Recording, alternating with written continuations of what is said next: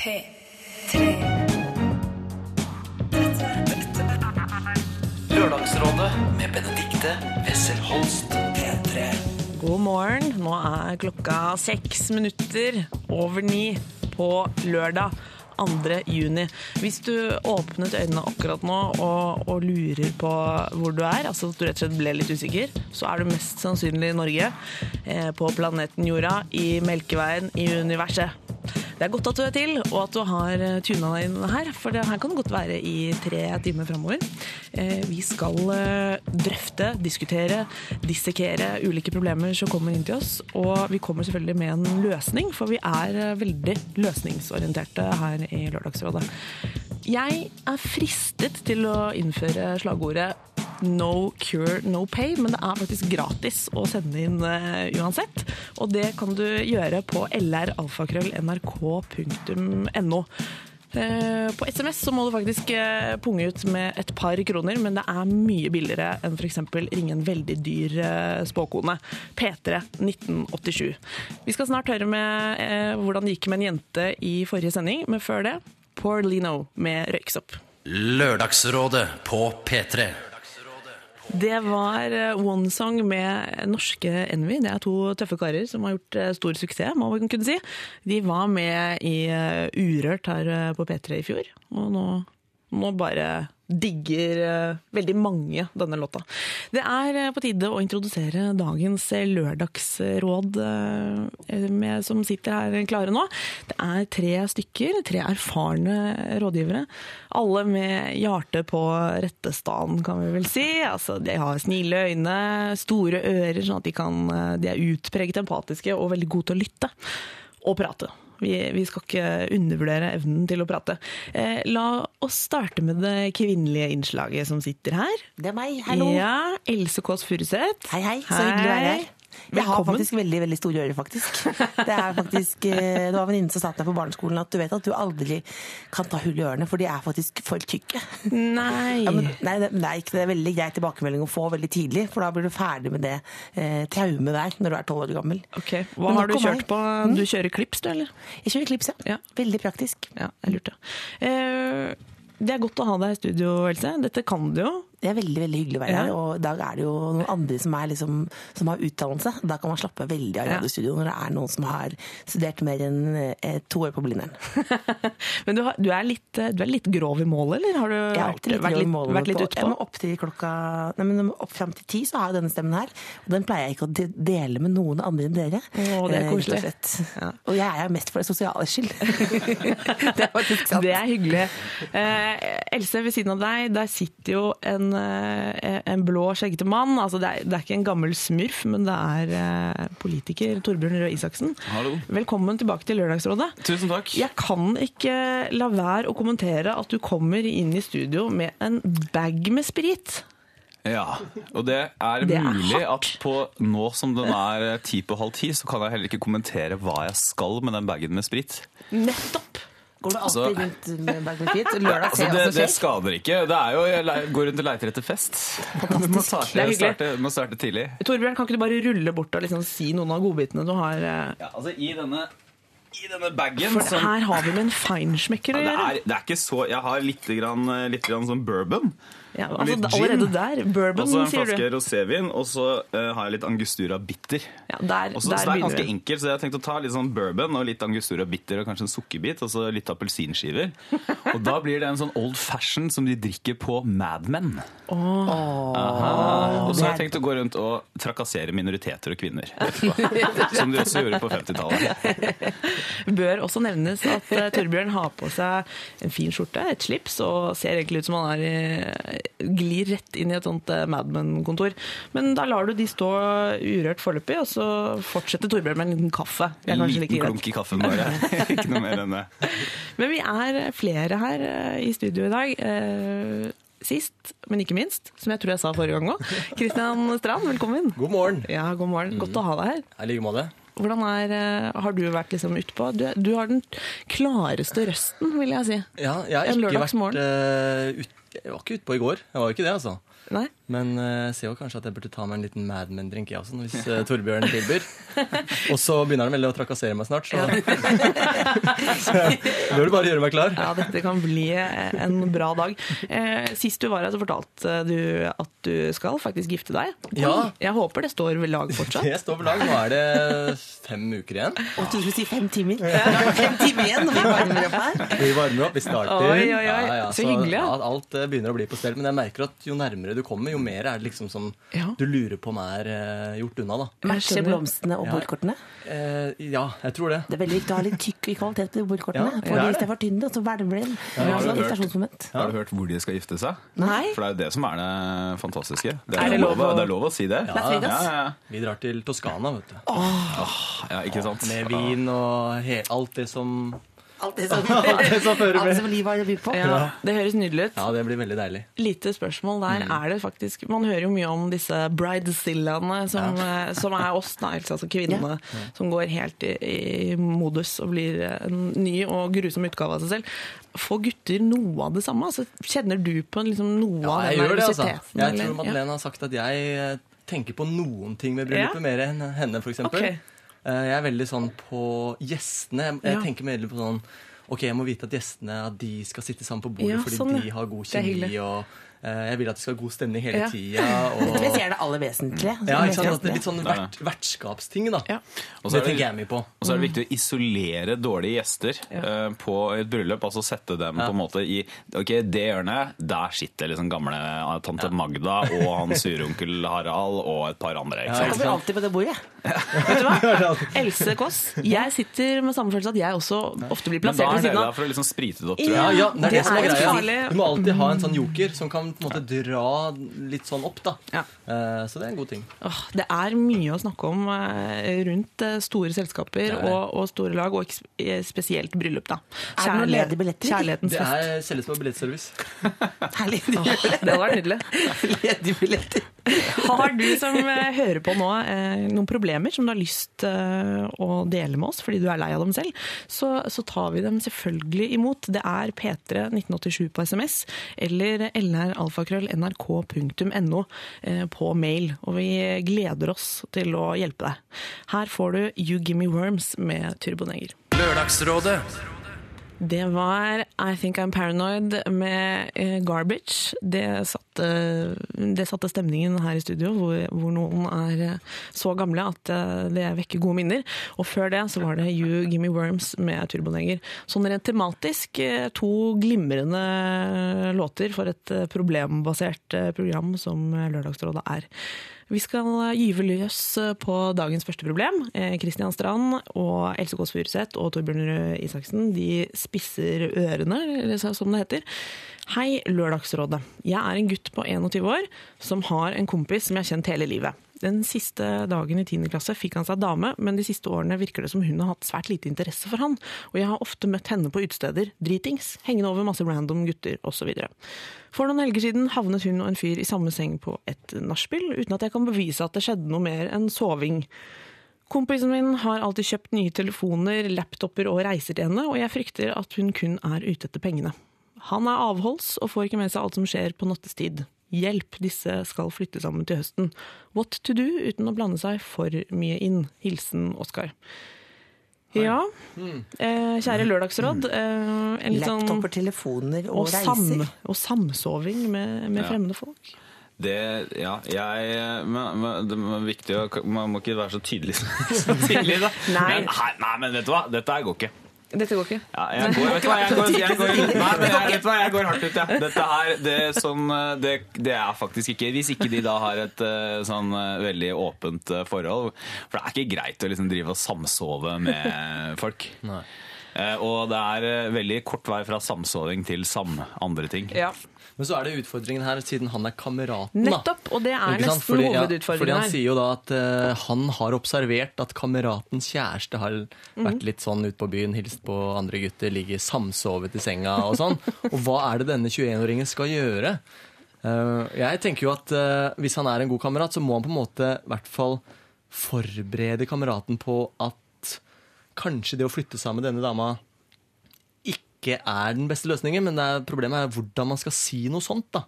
Eh, hvis man har sett eller opplevd noe. Jeg tror at eh, han eh, 21-åringen som sitter hjemme og, og på e-fakturas eh, og betaler ting, eh, han vet nok mer enn vi tror. Er det ikke sånn at eh, jeg tror, Det kan jo godt være at han på en måte har på litt skylapper og velger å ikke At han liksom tenker at eh, this is what I get. Og det er jo litt dumt når man er 21 år.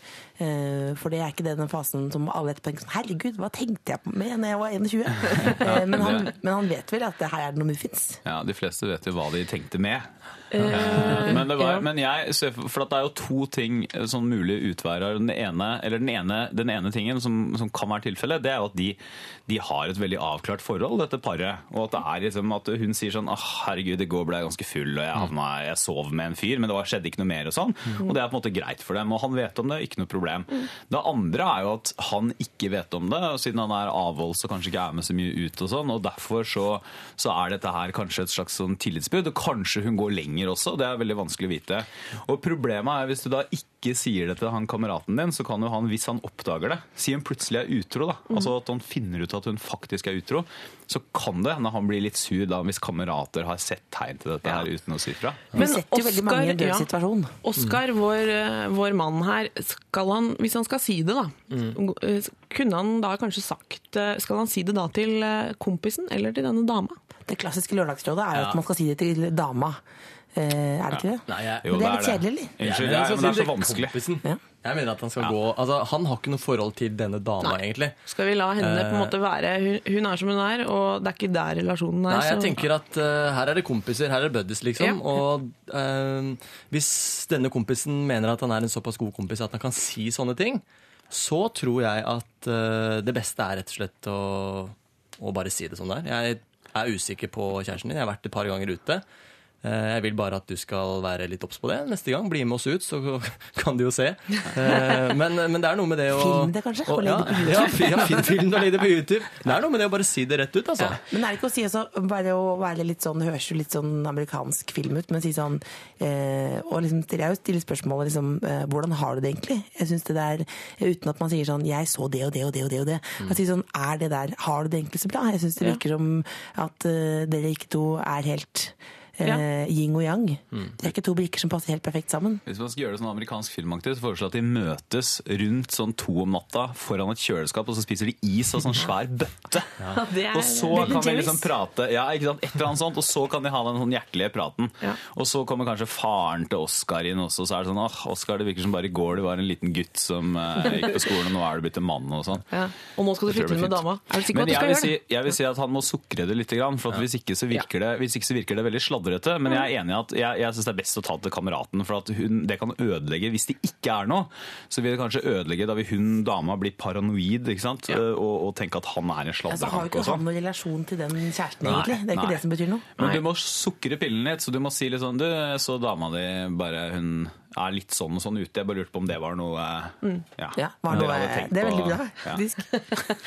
Er det noe er det jo- Spørsmålstegn, spørsmålstegn. altså, substans. Du, du. Jeg skjønner hva du mener. Helt perfekt. Ja, alle vil jo skjønne det. Ja, ja. Mm.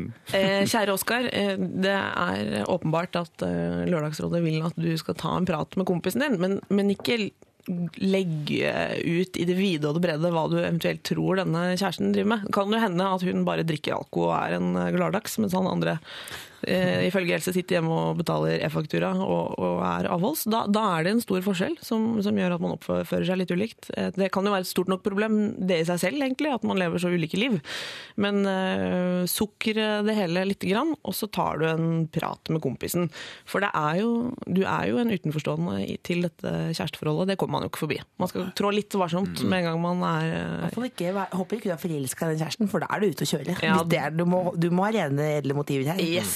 Men det hadde vært en litt bra film, da. ja. Håper ikke du var han i samsovinga. Det hadde vært eh, Herregud, nå fikk jeg mange rare bilder i hodet. Det håper jeg at du ikke var, eh, Oskar. Eh, Sitter du og tenker på at du også vil at Kristian Christian Strand og Torbjørn Røe Isaksen og Else Kåss Furuseth skal Komme Kom hjem til deg. Så kan de det, altså. Eh, Skal ta oss og røske litt opp i følelseslivet ditt. Så, så sitter vi og er klare for det. Det er P3 1987 som gjelder, altså. Eller lr.alfakrøll.nrk.no. Her får du norske CLMD, som i hvert fall får housefoten min eh, til å trampe takta. Black Eyes and Blue. Det var eh, We Are Young med Fun, og Chanel Monet har gjemt seg et eller annet sted inni den låta. Eh, Jeg er litt usikker på hvor hun dukker opp, men hun er der. Det Er er helt, ikke på begynnelsen? er på Jeg begynnelsen. lurer på, jeg, jeg lurer på det, jeg vet ikke. Ja. Eh, Torbjørn Røe Isaksen, Else Kåss Furuseth og Kristian Strand sitter her i dagens eh, lørdagsråd, og vi lytter jo selvfølgelig på musikken eh, sammen med dere. Og det har kommet fram at eh, her er det stor, stor stemning rundt Chanel Monet. Eh, Hun kan godt komme litt mer fram i f.eks. en neste låt hun eh, er med på.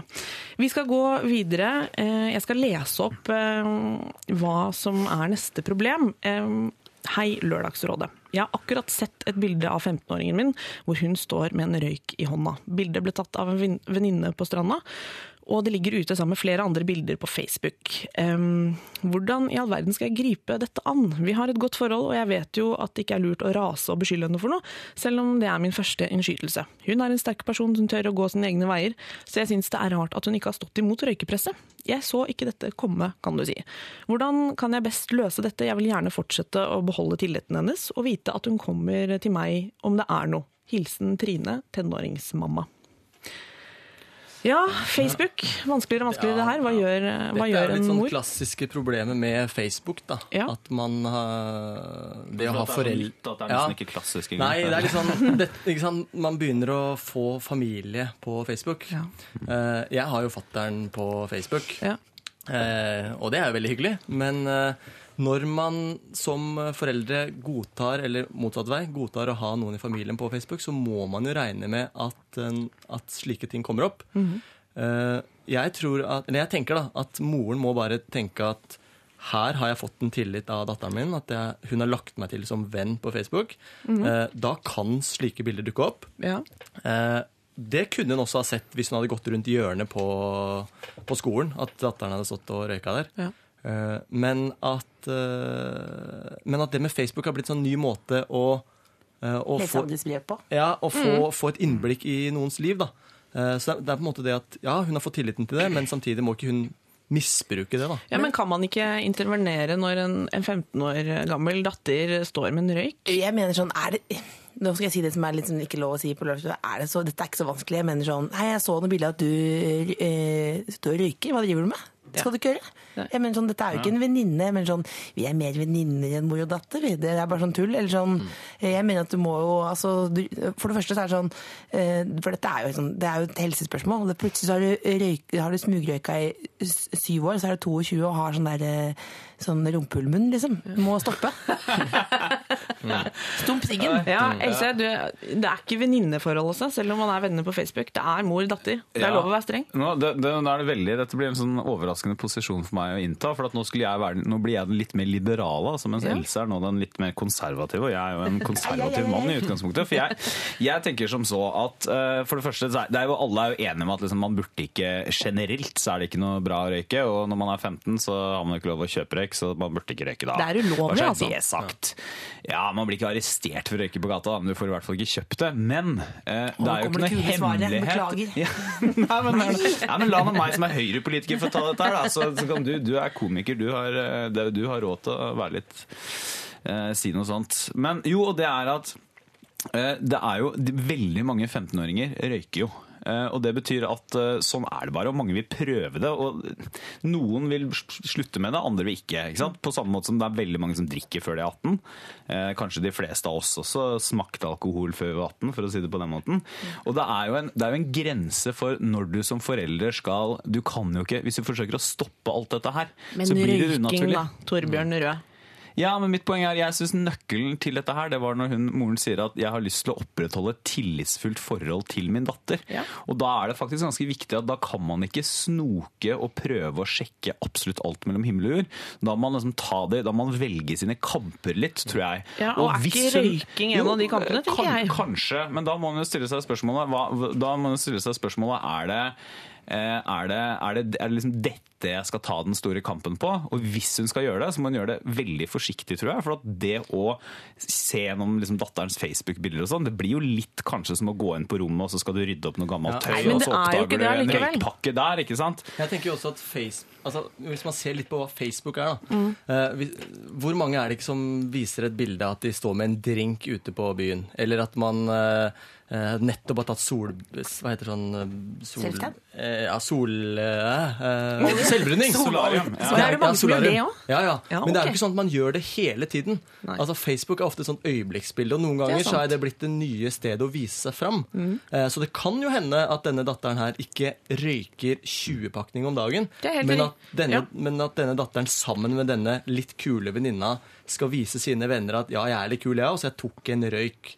Eh, Det kan jo hende at hun er supersmart og ikke røyker i det hele tatt. det også være at det dette var hasjrøyk. Men ikke sant? At det er ikke sikkert at det er sånn farlig nå begynner, nå begynner hun å røyke 20 om dagen. Nei, det kan det bare være jo- sånn Se hvor kul jeg er litt. Selvfølgelig. Men Mm. det er jo egentlig en annen diskusjon, for poenget er hvor går man liksom i dette Hun er jo mamma, og hvis ikke mammaer kan si Vet du hva, jeg så den røyken, det aksepterer jeg ikke. Altså, hvem skal ha den rollen da, hvis alt er så relativt? Men Staten? tror du ikke Men jeg kom, altså, mamma og mine foreldre De er på ingen måte noen hippier. Eh, bare for, altså, langt derifra. De er veldig sånn ordentlig vanlige lærere begge to. og sånn, Så jeg hadde ikke noe sånn fritt fram og frie grenser og sånn da jeg var hjemme. Men mamma har alltid sagt sånn at du må fortelle til foreldrene dine så mye at de tror de vet alt.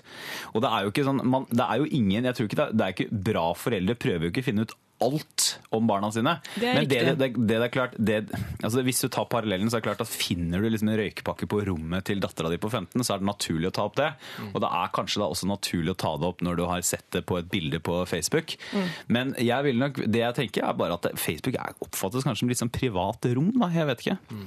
Men men det er det jo ikke plutselig. Jeg tenker sånn, fordi at det, jeg tenker sånn, det er bare en litt bevissthet for det. Plutselig sitter du der, og så er det 77 bilder av deg sjøl som røyker på Facebook. Ja. Og, det, og det, det, det er litt kjedelig å si det er litt 1999, men røyking er ut, liksom. Og så kan du Det er, den- veldig, ja. det er veldig få som røyker på arbeidsplassen nå. Før var det sånn at alle de kule hang i røyka. Nå er det han ene, liksom. Nå er det, altså Hun er 15 år, så moren har jo lang tid til å på en måte gjøre noe. Hun kan nå begynne å komme den gulroten. da. Jeg husker jo Grunnen til at jeg ikke begynte å røyke, eh, var jo fordi jeg fikk jeg husker at mor og mamma og pappa sa at ja, hvis du ikke røyker før du er 18, så får du lappen. Ja, det var en av dem, ja. Ja, men sant? Man kan begynne ikke sant? Istedenfor liksom å ta den, den der, må du slutte å røyke, så kan du si sånn OK, om noen år så kan vi Men er det ikke greit høre? Jeg fikk høre sånn Hvis du begynner å røyke, da er du ikke lenger vår datter. Ja, det går Ja, det er voldsomt. Kutter av deg armen. Det funka Vet du hva, egentlig søsteren min, nå, nå ble jeg litt personlig her, hun hang ut av soverommet og eh, røyk, røykte sigaretter. Eh, og det luktet da røyk i hele huset, hvor, eh, hvorpå min mor og far tenkte sånn Nå lukter det veldig røyk her, det må være noen som går ute og røyker. Og så gikk lillebroren min eh, inn på rommet til søsteren min, hvor hun sto og tigga. og så, ja, så ble det altså en avduking av at vi hadde en røyker i familien. Ja. Det ble en eh, skandale. Alle Og jeg tror fortsatt akkurat det der med at eh, for- forfatteren han har vokst opp eh, med en far som røykte, og det var liksom hans store eh, kampsak som barn. Og at han fikk en datter som hadde begynt å røyke, det var helt krise. Eh, Men da var jo måte Da var det ute, og vi kunne tulle og tøyse med det. Men, men her er liksom, for jeg tror vi tenker altså Jeg tror Kan alle ikke- er enige om at men ingen altså man burde liksom sinte, unngå, Jo, men man burde unngå at liksom, Man burde gjøre så mye man kan for at liksom ikke 15-åringen din skal begynne å røyke. Men jeg tenker er hva, men hvis det hadde vært noe annet, da Hvis det hadde vært eksempel at hun sto med en øl i handa, da Ja. eller at hun at det var på en fest hvor hun kanskje ikke sto med en øl i handa, men hun så ut som hun var, ja, men så ut som hun var litt berusa, kanskje. Mm. Eller det var et eller annet sånn der hun sto sammen med Hun hang med noen gutter som så ut som var mye eldre. Altså Hvor skal grensa gå for hva du kan sjekke ut på Facebook, og så eh, ta opp med Det barna er, dine? kjempe, det er kjempevanskelig, men en ting som er Altså, foreldre må jo kunne si hva de mener, hvis ikke så er det jo ingen som sier noen ting. Og så blir det jo opp til en, en 15 år gammel datter. Jo, eh, har har jo hjerne. ja. så hun eh, Og samme gjaldt jo min søster. Hun visste at mamma og pappa hatet at hun røyka, men da var i hvert fall det en tydelig opposisjon. Mamma og pappa var ikke noe redde for å si sånn, vet du hva, er du helt tjukk i huet? Det er det dummeste du gjør. Eh, og så valgte hun å være litt tjukk i huet et par år. Det- Slutta å røyke nå, det er greit. Vi er alle Samme her, eh, Man går gjennom noen faser i livet, men, men det å være tydelig på hva man mener overfor sine egne barn, det må da kunne gå an. Det, vet du, dette Skal man være så kan redd? jeg ikke med god samvittighet argumentere mot. Ja, for, altså, skal, man være så redd, skal man være så redd for å liksom være streng? Jeg mener, herregud, det er jo ikke- ingen som er strenge i det Kan ikke samfunnet moren eh, tilby sånn at hun skal begynne å røyke bare hjemme? Det er det dårligste ideen. Ja, eh, Kjære Trine, du er jo en eh, førsteklasses tenåringsmamma. Eh, Du hører jo at jeg mener du bare kan si at eh, Herregud, slutt å røyke, da. Du har lagt ut på Facebook til og med. Da er det ikke privat. Det er ikke som å rote i en truseskuff. Eh, vær nå ærlig med hva du mener om den røykingen, og så tror jeg ikke det skulle ødelegge det gode forholdet du har. Men kan ikke alle mødre som er på Facebook nå bare logge det av? Det er også en egen diskusjon. Det å, å, jeg har ikke verken mamma eller pappa på Facebook. Jeg Tror jeg hadde frika ut jeg, å ha mamma og pappa på Facebook. Men det finnes sånn limited at du Mamma kan og blokke foreldrene. ikke gå på Facebook. Ja. Eh, det var en heftig diskusjon, kjenner jeg. Vi skal eh, kose oss nå med en låt som jeg har lovt å ikke snakke på introen til. Det er, den er lang og seig og setter altså en deilig lørdagsstemning, vil jeg si. Det er eh, Vi, vi, vi skal bare kose oss, rett og slett. Med, Er det Gunsen? Det er Gunsen. Yes. Det er Welcome to the Jungle. Oh. Lørdagsrådet Somebody I Used To Know med Gautier og Kimbra. Eh, Jeg føler jo at det høres litt ut som eh, Phil Collins, men det er kanskje bare meg, eller? Eller Sting. Sting! Eh, altså jeg tenkte sånn, Hallo 1985 Ja. på Gordon Sumner. Eller Sting, som han da er populært kjent som. Ja, ikke sant? Sting har mista deg. Jeg var på Sting for noen år siden i Spektrum. Ja. Og han er en av de få eh, som kjører sånn bukse som kan bli shorts. Så du bare kan ta sånn, Da hjelper det ikke hvor mye du eh, kan om buddhisme. Altså. Du vet at det kalles clam diggers på, på folkemunne? Altså betyr det? det betyr at eh, du kan rusle i vannkanten og, ja, ja, ja. og lete etter muslinger. Skal jeg fortelle noe veldig skuffende om. Sting før vi går videre? Ja, gjerne. Eh, Det gikk jo I mange år så var jo Sting kjent for at de kunne ha sånn ti timers sexorgier, tantrisk sex, med sin kone. Oi. Det var det masse, det ble alltid omtalt. Hans veldig pene kone også. Ja, veldig pen. Ja. Mm. De holder seg godt og sånn. Og så kom det fram for eh, et par år siden at det var bare en sånn løgnhistorie som en full Sting og Bob Geldof hadde liksom lirt av seg på et intervju. Så han kan ikke eh, ha det. Han kan ikke ha det. Ikke ti timers eh, tantrisk sex. Søren også. Skuffende, skuffende.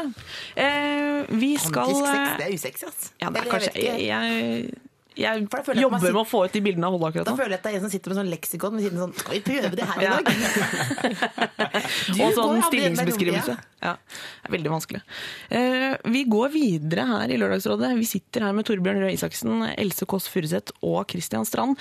Uh, kaffen er, har en, gått rett i åra på oss alle sammen, og vi er gira på, på å røske tak i det dere måtte slite med. Hei, Lørdagsrådet. Vi har en venn som alltid jobber. Nå skal han gifte seg, og vi planlegger å holde et utdrikningslag. Hvordan skal vi få lurt han, og hva er deres råd til et perfekt utdrikningslag? Dette er jo litt aktuelt på denne tiden. Ja, det er veldig mange utdrikningslag nå om dagen. Altså. Ja, er det ikke hørte det? om en ganske artig løsning i går. Eh, På utviklingslag. Ja. Hva med å kidnappe Nei, nei, men, nei, men jeg hørte at for det med stripping, eh, det er jo alltid sånn Det, det er veldig feil nå, er det ikke det? Eller sånn, det er ulovlig kanskje også, men det er jo det er veldig, det er veldig, ja, men det er veldig det er jo sånn, For det er alltid noen som sier at man, nei, det vil vi ikke ha, og så tenker man det er det morsomste, og så kan det bli et antiklimaks, for den stripperen ser ut som kanskje ikke eh, Ikke at stripperen er sikkert fin nok, men altså det virker som en eh, situasjon som ikke alle koser seg i. Kanskje Ja. stripperen, for eksempel. Ja. Men noe som hørtes gøyalt ut, var at man skulle vekke noen på morgenen, Ja. eh, og så ble han vekket av en strippe på morgenen. Oi! Er ikke det morsomt? Litt sånn daskende baller Ja, det- rett i fleisen. Det er to klassiske klassikerting, stripping og, og vekking, og så bare tar du og merger det. Ferdig med det. Ja, det veldig god. Da kan du bare gå og legge seg igjen. Jeg synes det, Det var det. Rett på jobb. den er faktisk god. Altså, for, for stripping er jeg tror, jeg tror sånn jevnt over så tror jeg de fleste altså Jeg tror ikke stripping er drømmeyrket drømmeyrke for noen. Men de gangene jeg har vært i utdrikningslag med stripping, så er det faktisk deltakerne i utdrikningslaget som syns det har vært verst. Å, ja. Og det er et eller annet med at Særlig for at det har vært liksom på dagtid, og så er det Det er litt ikke, tidlig, det er, kanskje. Ja, men det er, jo, men det er et eller annet med de, de, det, er, det er bare Det er færre og færre som syns liksom det er veldig komfortabelt å stå og se på en dame som kler av seg for penger i et rom. eh, tror jeg. Eh, ellers så kan det bare hende at jeg har liksom myke venner, da. Men Det kan jeg også hende. Christian, Ja, ja. du skal jo gifte deg. Jeg skal gifte meg, så jeg er jo litt sånn usikker på hva som kommer til å skje, og når det kommer til å skje. Jeg For du er ikke drukket ut Nei, jeg trodde det kanskje skulle skje i dag, faktisk. Det skjer i dag! Det skjer i oi.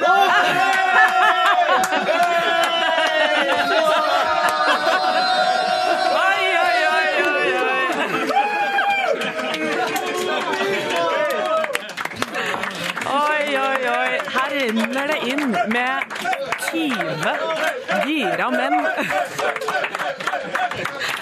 Oi, oi, oi, Christian, nå er du lurt. Åh. Hva føler du nå, Christian? Eh, Nei, altså nå føler jeg at de har virkelig klart det, da. Eh, Men jeg begynte å tenke litt når, når introduksjonen var han jobber mye, og hvordan skulle lure han og sånn. Og så hadde jeg egentlig tenkt å komme med veldig sånn dette bør du gjøre. Eh, Men jeg skjønner jo at dette her er jo ekstremt godt planlagt. Og dette her, nå står jeg, For alle som sitter hjemme og hører på, så står jo den uh, største gjengen av gutta her. Oi, oi, Og- det er en fin gjeng, da. Ja, det er en veldig fin gjeng. Uh, Veldig mange. Vi er et par og tyve her nå, så kommer det litt flere etter hvert. Så det blir en god, eh, fin gjeng i dag. Hvor er stripperen? Hvor er stripperen? Eh,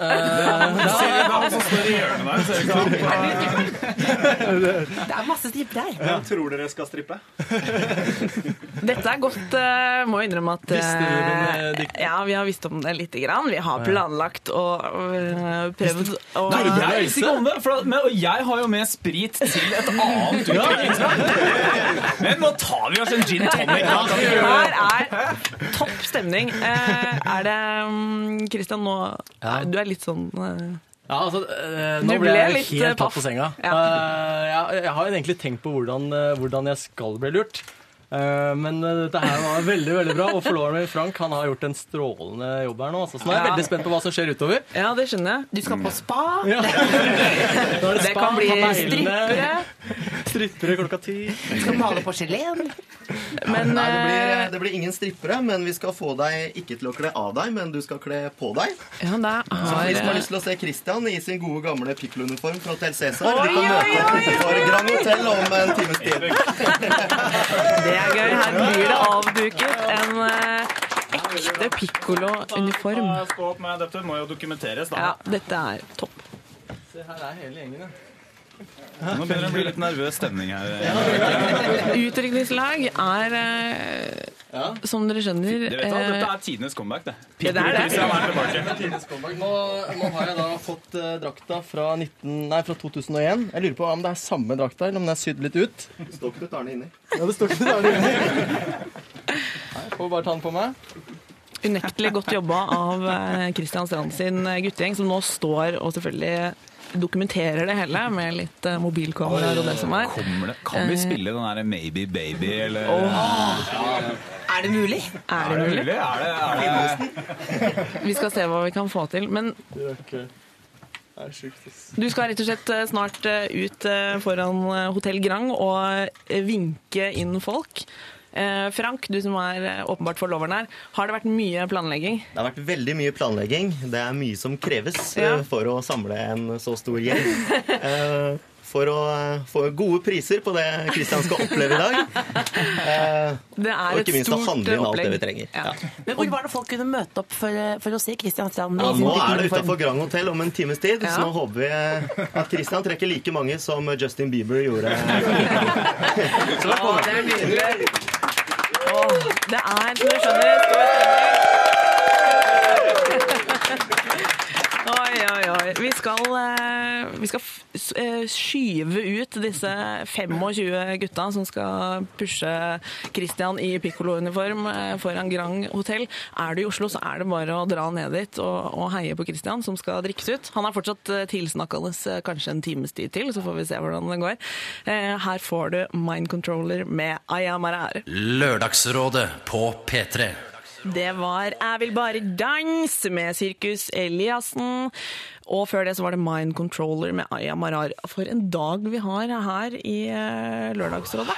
Partiloven som skjedde. Åh, vi har akkurat uh, sendt ut Kristian uh, Strand, som eh, ble veldig overrasket. Fordi han? Piccolo-Christian eh, har blitt sendt av gårde. Eh, han eh, ble lurt av oss eh, fordi han eh, skulle drikkes ut i dag, og det visste han ikke rett og slett eh, om. Og det er jo gøy.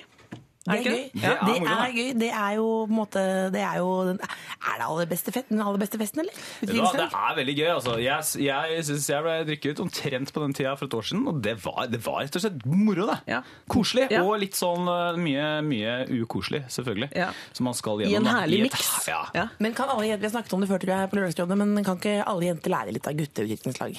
At det er liksom litt mer trøkk. Enig. Jeg sier ikke at man må ned i sånn speedboat i Akerselva, men liksom ikke. Ikke bare sånn er ballonger og litt sånn, jeg syns det skal være litt sånn rølp Ja. på et utdrikningslag. Eh, Det må være det. For hvis ikke, hvis det er bare sånn spa og Ja, nei, spa Men det er så kjedelig at én skal sånn. få spa, og så skal 18 mennesker, og du kjenner kanskje bare tre av dem, se på. Se på spa, det er vel ikke Mm. Det er kongelig. ikke det Men bare vær litt varsom med det derre liksom én går foran med rar parykk, og så går det liksom sånn 15 øldrikkende folk Ja. ti meter bak nedover hovedgata tricky. i Porsgrunn f.eks. Da det, vær litt varsom. Vær litt varsom Det er bare barnefamilier ute. Åh, vi må senke skuldrene litt her. Vi, eh, altså puls, pulsen steg i studio, det var 25 gutter. Mange av dem var jo Alle så ganske strippere. flotte å se på. Det var Eh, beefy, ass. Det var mye bra beefy folk der. Eh, Men vi har jo masse problemer vi skal løse her i Lørdagsrådet, så vi skal gå videre på det. Og nå er det altså Else Kåss Furuseth og Torbjørn Røe som er igjen. Det er et kjempeteam, så dette skal vi få til. Vi går rett på neste problem. Hei, Lørdagsrådet. Jeg, har hatt, eh, jeg hadde et one night stand med en gutt som bor i en annen by, eh, som ikke er eh, ofte i hjembyen min, men som kommer på besøk til noen venner now and then. Jeg, fortalte det til en av mine venninner dagen etter, som har en del felles venner med han, som jeg ikke har. Ikke lenge etter var jeg og venninnen min sammen, og hun ville vite alle detaljene om akten. Litt vel mye grunn, syns jeg. Detaljer om akten. Ja. Senere samme dag får jeg høre at hun også har blitt med han hjem dagen etter meg. Eh, Hun unnlot å fortelle meg det, og fortalte det i stedet til flere av mine venninner. Så ringte jeg henne og sa at denne gutten hadde gitt meg en kjønnssykdom, bare for at hun skulle få litt angst. Men også for å se hvordan hun reagerte. Hun reagerte med å spørre hva er symptomene, eh, og er du sikker på at det var han som ga deg det, osv., istedenfor å vise medfølelse. Har jeg rett til å være sint, selv om jeg ikke har noe med gutten å gjøre? Eller skal jeg late som ingenting? Hilsen Karoline, en forvirret og litt såret Men- jente. Unnskyld meg, Karoline. Du har da ringt til venninna di og så har du sagt sånn Hei, du eh, Trine, da, la oss bare Ja. kalle det. Hei, Trine. Du, eh, det kan hende du også har hiv. Eh, For det har jeg liksom fått av han jeg hadde med hjem i går. Det kan hende at hun har litt rett til å være litt sint på deg også. Ja, det er en La oss dvele litt i det. Det er ganske utspekulert. Hun har altså, Vår kvinne har ikke fått noen kjønnssykdom, men hun skulle bare f gi litt angst til denne Hva skal vi kalle det? Buksøster, er det ikke det det kalles? På, ja. På, på et litt ekkelt språk. Alle buksøstres der ute. Men jeg lurte på, er hun, eh, hun Trine, da? Altså, beklager, nå glemte jeg de fiktive navnene. Trine og Lise og Ja, Karoline Bonita. har sendt hun til oss. Ja, Men altså, er det sånn at, var det sånn at Trine da eh, lå med han etter at hun hadde hørt at Karoline Ja. hørte? Ok, Ja, hun da visste- er det hun noe visste da er det det Kanskje noe hun da, syns og- at, eh, at det hørtes veldig bra ut, hvis eh, hun spurte jo om ganske mange Men detaljer. detaljer om akten, det føler jeg er veldig sånn sjelden. Det er sånn venninner kan gjøre, er det ikke det? Ja. Men det hørtes ut som hvis det er sånn Trine, Stine, Line og Karoline, så høres det ut som en sånn tungtvannssang plutselig. På, men, det er, eh, men, men jeg syns altså jeg, jeg er litt sånn i trendesinn, som det heter blant oss eh, unge gamle. Eh, og det er, for, på den ene siden så er det jo åpenbart at man ville jo ikke satt pris på dette her, ikke sant? Nei. Uansett hvis noen hadde da tatt med hjem en som du hadde vært med hjem i går, Ja. eller tatt med hjem. På den annen side er det ikke sånn at dette her er jo da en, i en situasjon hvor det er litt sånn fritt fram, da. Eh, altså Man er jo ute for å Man går jo ikke hjem fordi man finner den store kjærligheten eller ønsker å forplikte seg eller noe sånt. Nå må man kanskje ta konsekvensene av det Ja. i hermetegn spillet man Ja. er en del av. Ja. Er det litt sånn at, eh, ja. at ligging er litt sånn up for grabs? Ja, det er jo som, det er vanskeligere enn ludo. Altså, det er jo ganske komplisert spill, da. Men up for grabs eh, er det vel, ja. Det er vel egentlig bare å melde seg på det løpet der. Du står på perrongen, og eh, klamydiatoget går. Hopp på. Eh, men jeg tenker at, eh, men jeg tenker at eh, det er jo, Jeg skjønner at hun kan være litt såra, al- altså Karoline. Hun fortalte. Trine forteller ikke. Ja. Alltid vondt i vennskap. Ja, Ja. og så er det jo noe med dette at man øh, Er det ikke litt utskre, uskreven regel det der at øh, strengt tatt så skal man kanskje ikke ligge med sånn rett etterpå? Nei, nei, Eh, at en venninne har ligget med noen. Det, det er veldig sjelden at det er sånn Ja, det er ikke noe stress, bare kjør på. Altså, det, er noe, det er noe halvguffent der. Jeg husker alltid sånn på korpsfester sånn, de guttene som klina med tre samme kveld og sånn. Der satt jeg fotene. Ja, jeg vil aldri være hun nummer fire. Det er ikke Nei. lov. Nettopp. Så Karoline, ja, du har jo lett, rett til å være litt sint, selv om du ikke har noe med gutten å gjøre. Samtidig, du har ikke rett til å være langsint, kan man si det på den måten? Ja, jeg syns kanskje ikke det heller. Og det er, eh, Eller det kommer litt an på, for at hvis de er veldig nære venner eh, Men det høres jo kanskje ikke ut som de er veldig nære venner akkurat i den historien her, men det er så mange lag her, for at det er så mye som kan være riktig og galt. Jeg syns at det er, det er feil å liksom ljuge på seg en kjønnssykdom for å stresse venninna di. Det er dumt av venninna di. Litt morsomt, selvfølgelig, men, Det var jo sikkert eh, bare klam eller herpes eller sånn. Det får jo veldig mange av befolkningen. Da. ja, men klamydia er jo, det er jo kjempealvorlig. det er kjempefarlig. Det er, jo, er det ikke det som i sånn Ibsen i en eh, Det er dryppert. Nei, det er, det er den eh, de trodde var arvelig. Ja, ja, ja, det er ikke klamydia. Nei, men det kan jo selvfølgelig føre til barnløshet Syfilis. og diverse. Ja, ja. Det er jo Syfilis krise. er det. Beklager. Veldig. Det er gøy med sånne retro kjønnssykdommer. Ja. Eh, Men, men, men, den andre, men så er det jo selvfølgelig dumt av venninna hvis hun visste om det, eh, å gå etter den samme gutten. Også for at det kan jo hende at ved et, eh, ved et magisk mirakel så blir det noe. Plutselig så viser det seg at de likte hverandre, de litt av Karoline og denne gutten. Ja. Ikke helt utenkelig i hvert Det er ikke helt utenkelig. Men, Men kan jeg si noe litt sånn Ja. Nei, det er ikke lov å si. Jeg føler egentlig at uh, Torbjørn Røe skulle sagt det her nå Ta en tur på Olafia-klinikken, eller? Ja, det er viktig. Ja, det er viktig uansett. viktig, ja. ja. Nå har du tulla med at du har en kjønnssykdom. Plutselig jinxer det. Det er Åh, ulv, ulv! Plutselig sitter der med posen full. Men, men hvis vi skal ta, for det er faktisk litt alvorlig, for at kjønnssykdommer for, for de er jo på vei opp igjen i Norge. Det er det. Og det skyldes jo at vi, det blir litt sånn at man, eh, man eh, Det kommer veldig mye oppmerksomhet rundt det, og Mm. så blir alle oppmerksom på at ikke sant, bruk kondom og beskytta og sånn. Og så begynner alle å slappe av, for at det er sånn nå er det ikke så mye Jeg kan så kjønnssykdommer som for fem år siden. Meg Ja. Ja. Og, og så eksploderer det. Så blir det mye mer av det. Jeg- Så det er, det er jo kjempeviktig å sjekke seg, og det er jo faktisk veldig ukoselig å smitte noen. Ja. Men jeg føler at hvis jeg hadde trodd jeg hadde en kjønnssykdom, så hadde jeg følt meg så innbilsk. Hvis du skjønner? At man føler seg så spesiell. Jeg har sikkert fått det, jeg. Jeg har sikkert vært noe Nei, du har ingenting. Du har ingenting. Så jeg tror ikke jeg ville turt liksom, å, å bry legen med det. Altså bare, nei. Det skal Men- man egentlig gjøre. Jo, og nordmenn de har sånn forhold til kondom med at det er sånn Vi bor jo i verdens rikeste land, det er jo bare streite folk, jeg får ikke noe kjønnssykdom, jeg. Og så har vi mest i hele Europa. Tenk litt grann på det.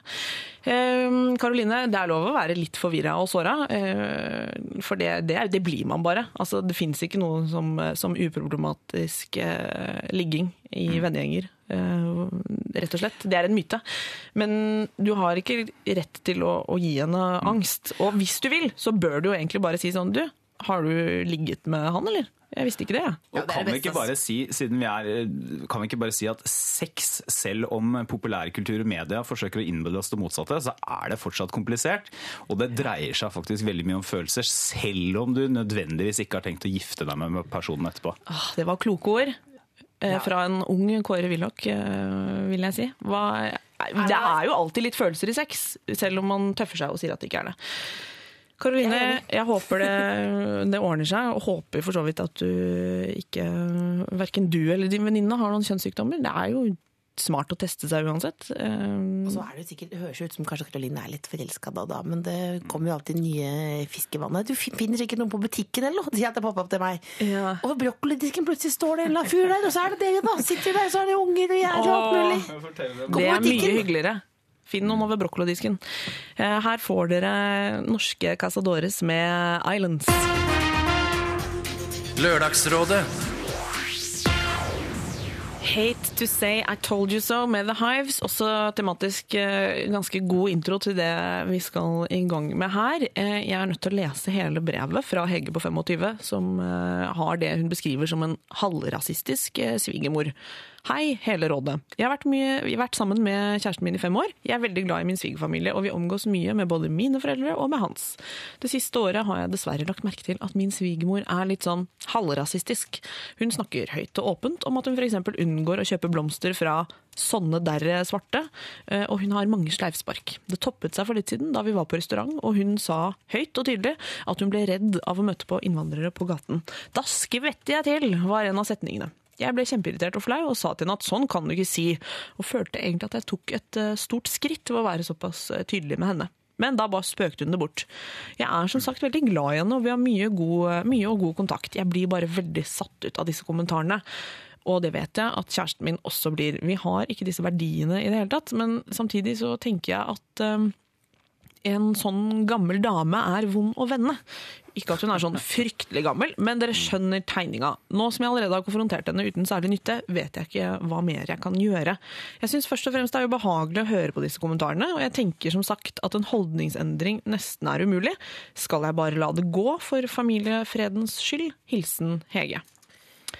Her er det mange ting. Jeg har ja. notert en del ting, men tenker kanskje Torbjørn eh, Skal du- du sender ballen videre? Men la meg si, la, hvor skal vi starte? Jeg synes Ja. at Kanskje det første som, som man burde si, det er at det er Jeg leste for noen dager siden et intervju med han som er leder i Det mosaiske trossamfunn, altså eh, jødiske trossamfunnet i Oslo.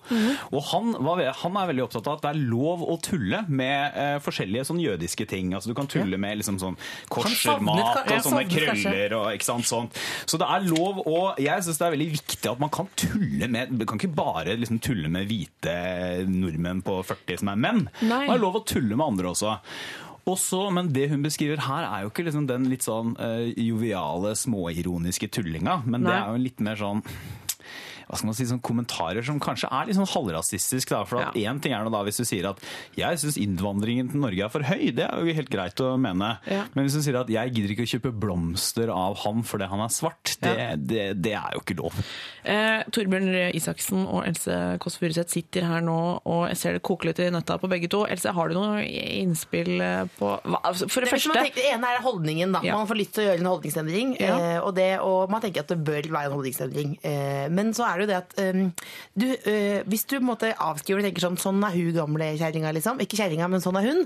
Uh, Så vil du etter hvert kanskje ikke ta henne så veldig på alvor. Så du vil, jeg har notert, ser du. Ta på alvor, jeg har skrevet. Ja, ja. For da tenker du sånn Det orker ikke å være sammen med henne. Men samtidig, sånn i familieselskap og sånt nå, så er det litt irriterende med de som aldri liksom bare lar noe gå.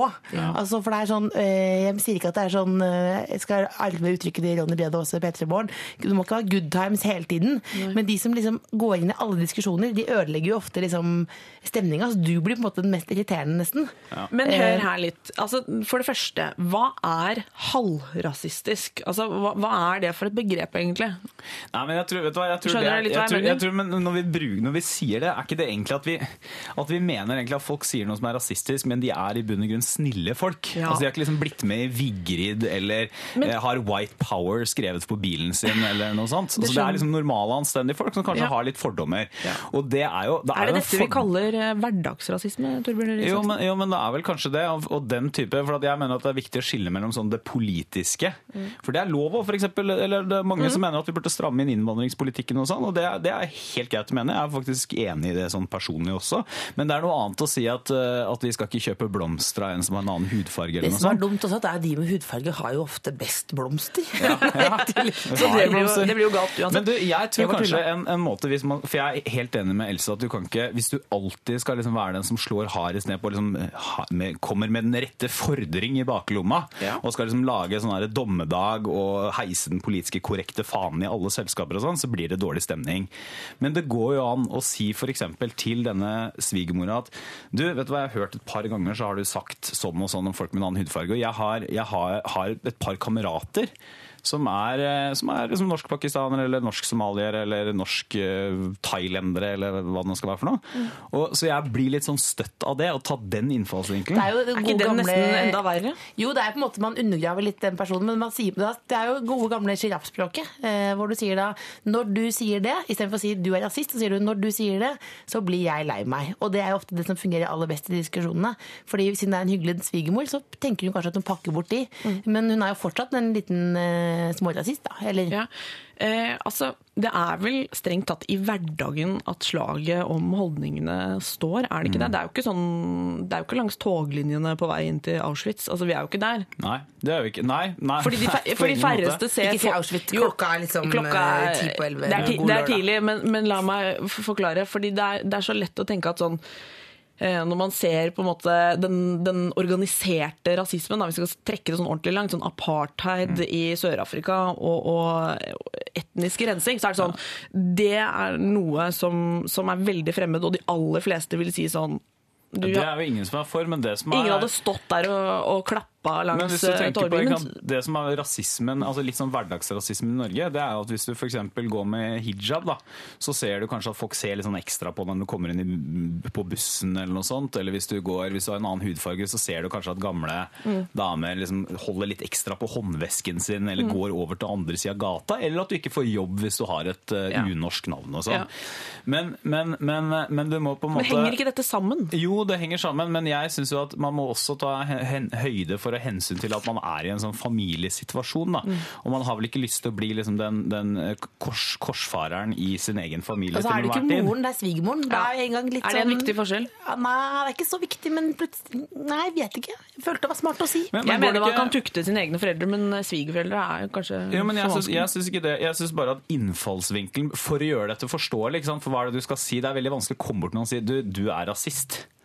Eh, ok, hva skal, ok, hva skal du svare Ja, på det Det trenger man ikke å si, så, men man så, kan- så, så poenget er at det du må få folk det, det jeg tror kanskje som hun må få svigermoren til å forstå, det er jo at det er ikke, det er ikke bare sånn at dette, dette rammer ikke bare en eller annen sånn der mørk fyr som du ser på gata. Dette rammer også folk som jeg bryr meg om og som jeg kjenner godt. Og jeg blir personlig også støtta av det fordi det rammer noen andre. Går det ikke an å bare parere det der og da? Gjør ikke det det litt mer sånn Hvis det er en munter stemning, eh, sånn som Else i sted kommenterte så, så muntert at eh, ja, ja, men det er jo synd, for det er jo de fineste blomstene. Altså, Kan man nesten gå inn der, eller liksom bare eh, ta det som en sånn jeg hører hva du sier. Er ikke helt enig. Smilefjes. Altså, er det et Det er det, jeg pleier å kjøre blukkesmilfjes. øh, Ja. øh, Jeg har vært i konfirmasjon, og så var det noen som snakket bare om at dem der, der nede er jo bare fødemaskiner. Ja. Eh, Og da, eh, da Eller jeg tror jeg bare spiste egentlig med røkelaks altså for å komme unna. Ja. Og det hjelper jo ofte også. Bare send laksen hvis det blir Men da har jo du også unngått konfrontasjonen. Ja, ja, ja. Da, for det er, jo det lett, det er- det er jo veldig lett å gjøre. og Det det mer, altså alle tror jeg har det litt sånn for at man har ikke lyst til å lage en scene, og det å unngå konfrontasjonen er veldig fristende.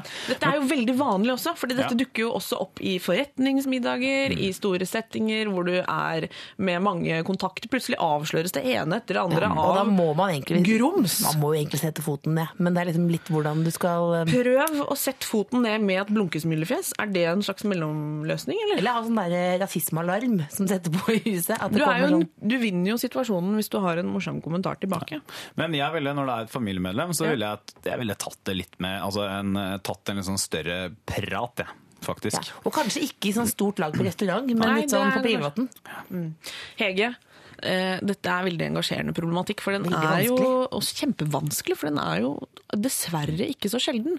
Og det er jo, livet består jo av hverdager og familiesammenhenger, og hvis man aldri skal liksom gå igjen eh, inn i en diskusjon eller komme litt fram til noe som Altså møte hverandre litt, da. Og, Og jeg tror kanskje Da blir det hvis- sabla kjedelig, i hvert fall. Men jeg tror kanskje at eh, det er jo også For vi sier det er vanskelig, og det, men på den annen side, hvis en av oss her hadde følt at vi var utsatt for rasisme, men vi er da tre hvite nordmenn ikke sant, som sitter her, så er det, kan det hende det ikke er så vanskelig.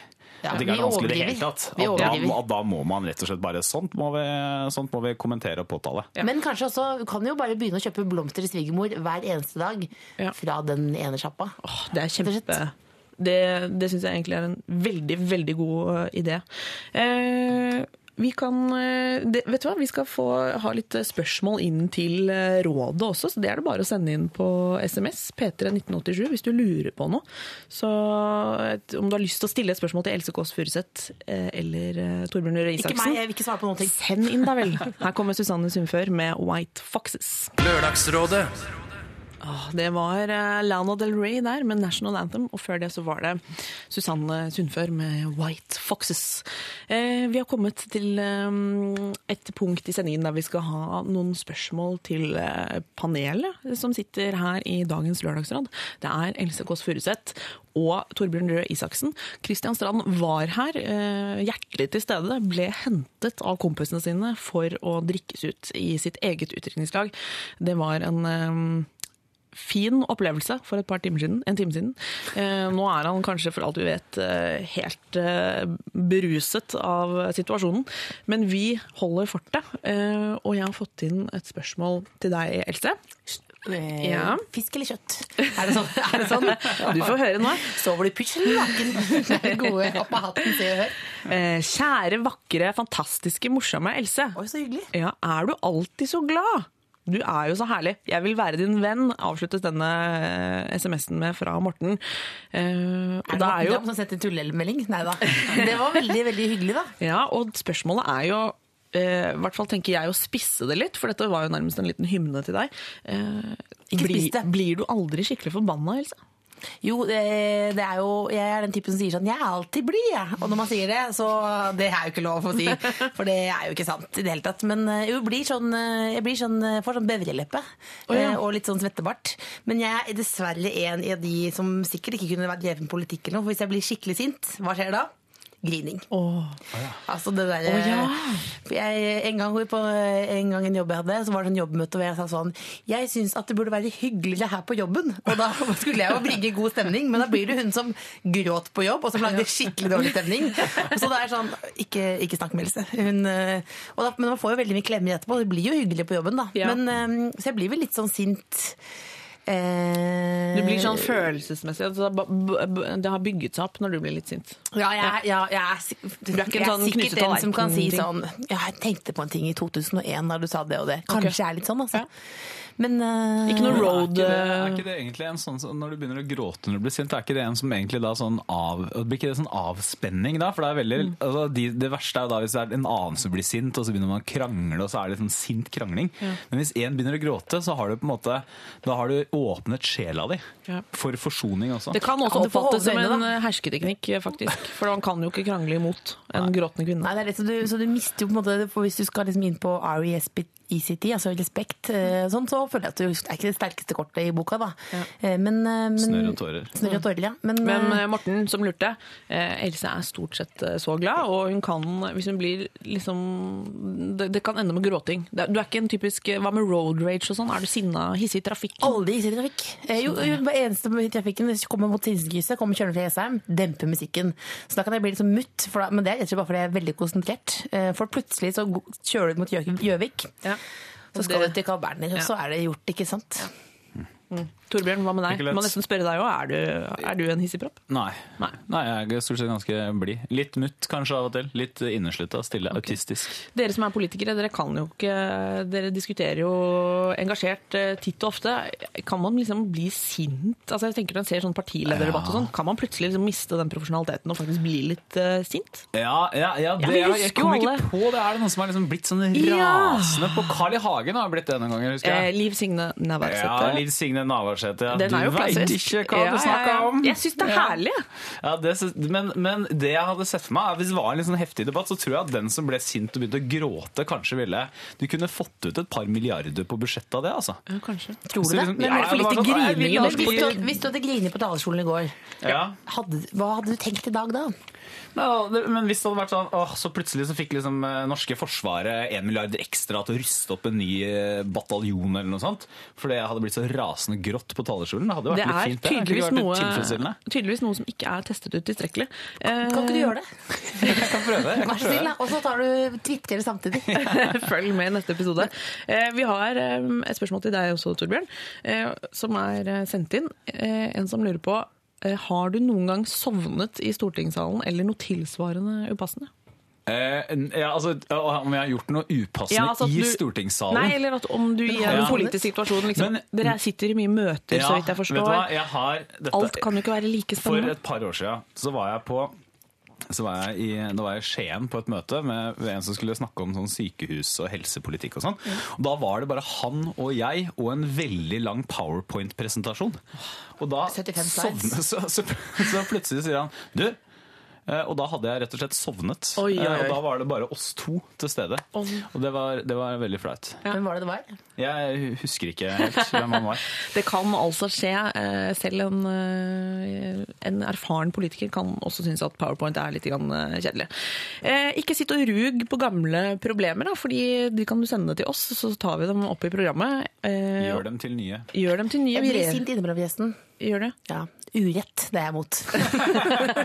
Og rasisme. Ja, ja, ja, ja, ja. Det er godt å høre. Aldri krig. Aldri. Nettopp. Eh, P3 1987 er SMS-adressen. LR-alfakrøll nrk.no er mail, og der kan du skrive så langt du vil.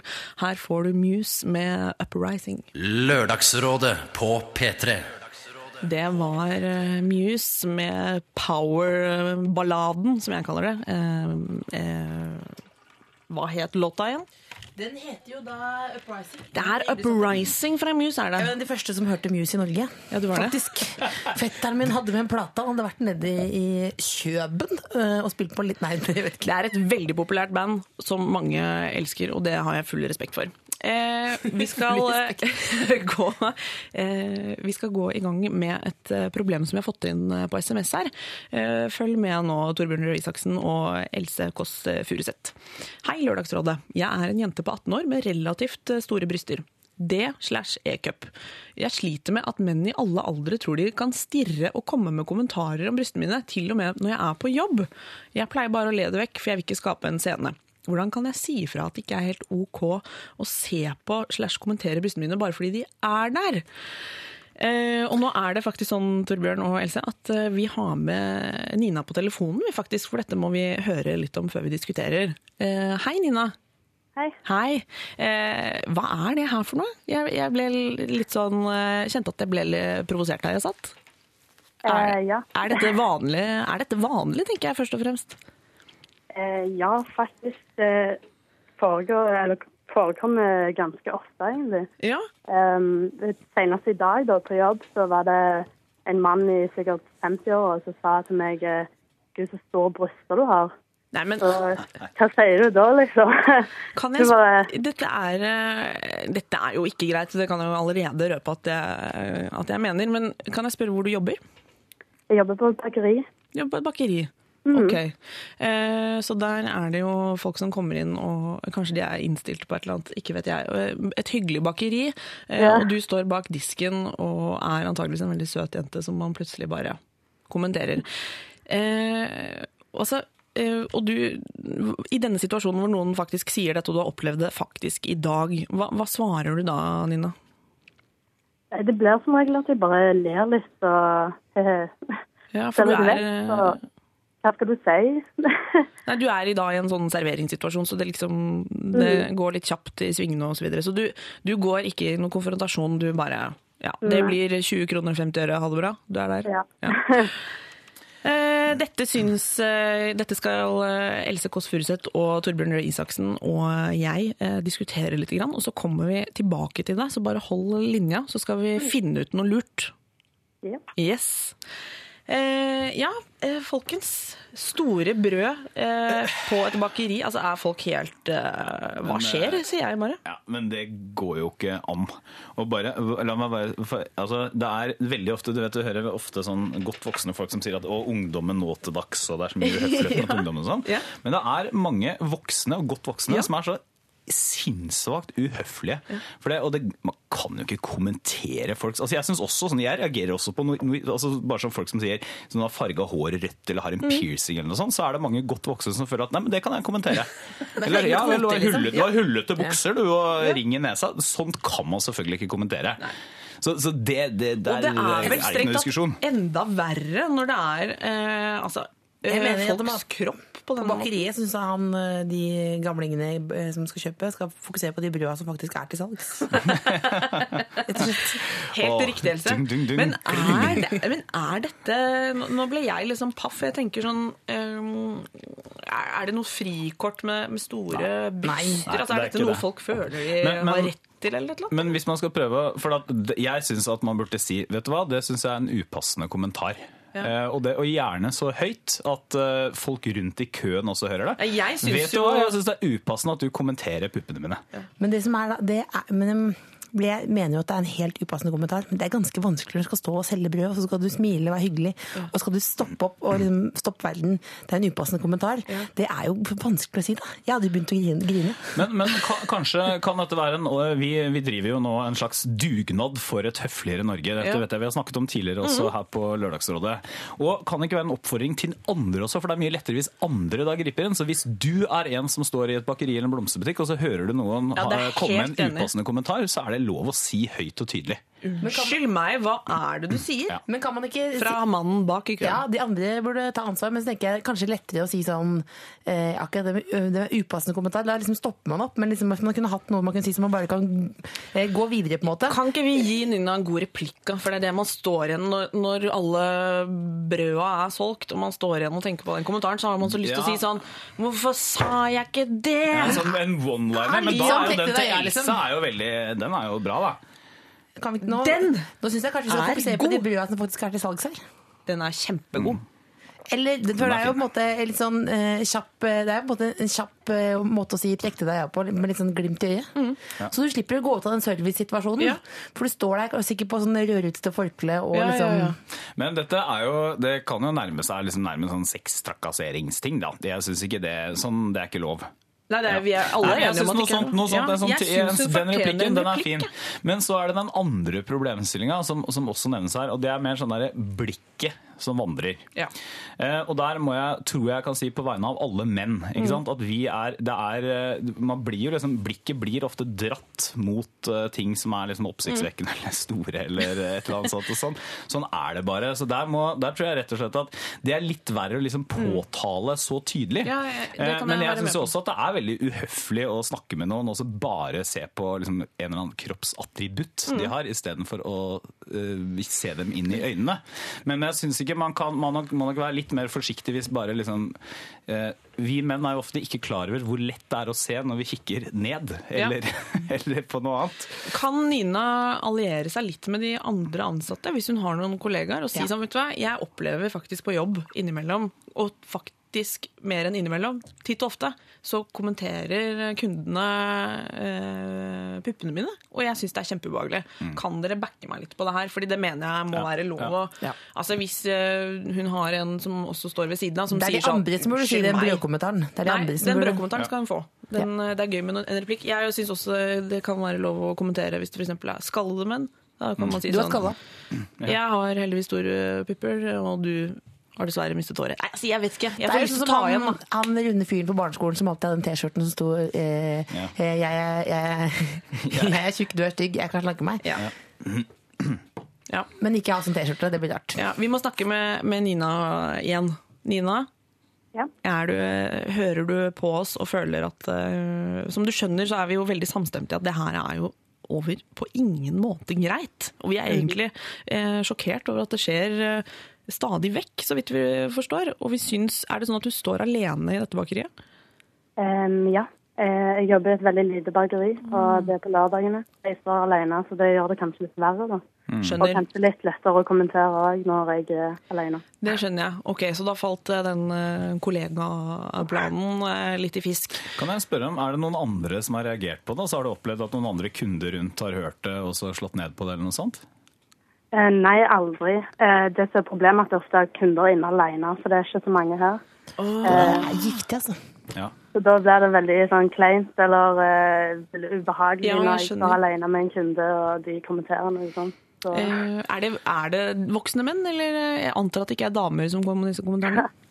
eh, ja, det er som regel voksne menn. Eh. Eh, både på jobb og på byen. Og, Ja, For det er ikke bare i denne bakerisituasjonen, det skjer også andre steder. Men, men da er det kanskje litt vanskelig å altså For i en, i en annen setting hvor det er folk rundt, så er jo denne snertne kommentaren til Else er jo veldig fin. Men hvis man står alene, og det er ingen som kan le av det, så er jo kanskje ikke den så bra. Så da er det kanskje, kanskje det er bedre å prøve, prøve en gang og rett og slett si Ja. liksom alvorlig at vet du hva, det syns jeg er en helt upassende kommentar. Ja. Vi vil og at du kanskje skal gjøre det. sjekke det med sjefen også. For at Ja. hvis det blir veldig ille, så mener jeg at det er lov å si at vet du hva, du får gå og kjøpe brødet ditt et annet sted. Ja, helt enig. Ja. Vi selger Eh, ikke brød til skalla folk her, gå hjem. Ja, faktisk. Hørte du den? Den, er, den, er, den syns jeg du skal ta med deg. Eh, I tillegg så er det sånn når det skjer andre steder, og ikke bare i dette bakeriet, så, så er det lov å eh, kanskje gjøre et nummer ut av sånn Da er man jo litt friere, på en måte. Det er jo Ja. det som er litt vanskelig å si i bakeriet, å være i den salgssituasjonen. Og at du- Men det, det er viktigere å være ærlig mot deg sjøl. Det bakeriet får seile sin gang. Ja, det syns jeg også. Eh, Kunne du tenke deg å prøve en sånn konfrontasjonslinje neste gang? Inni, en, inni bakeriet, altså?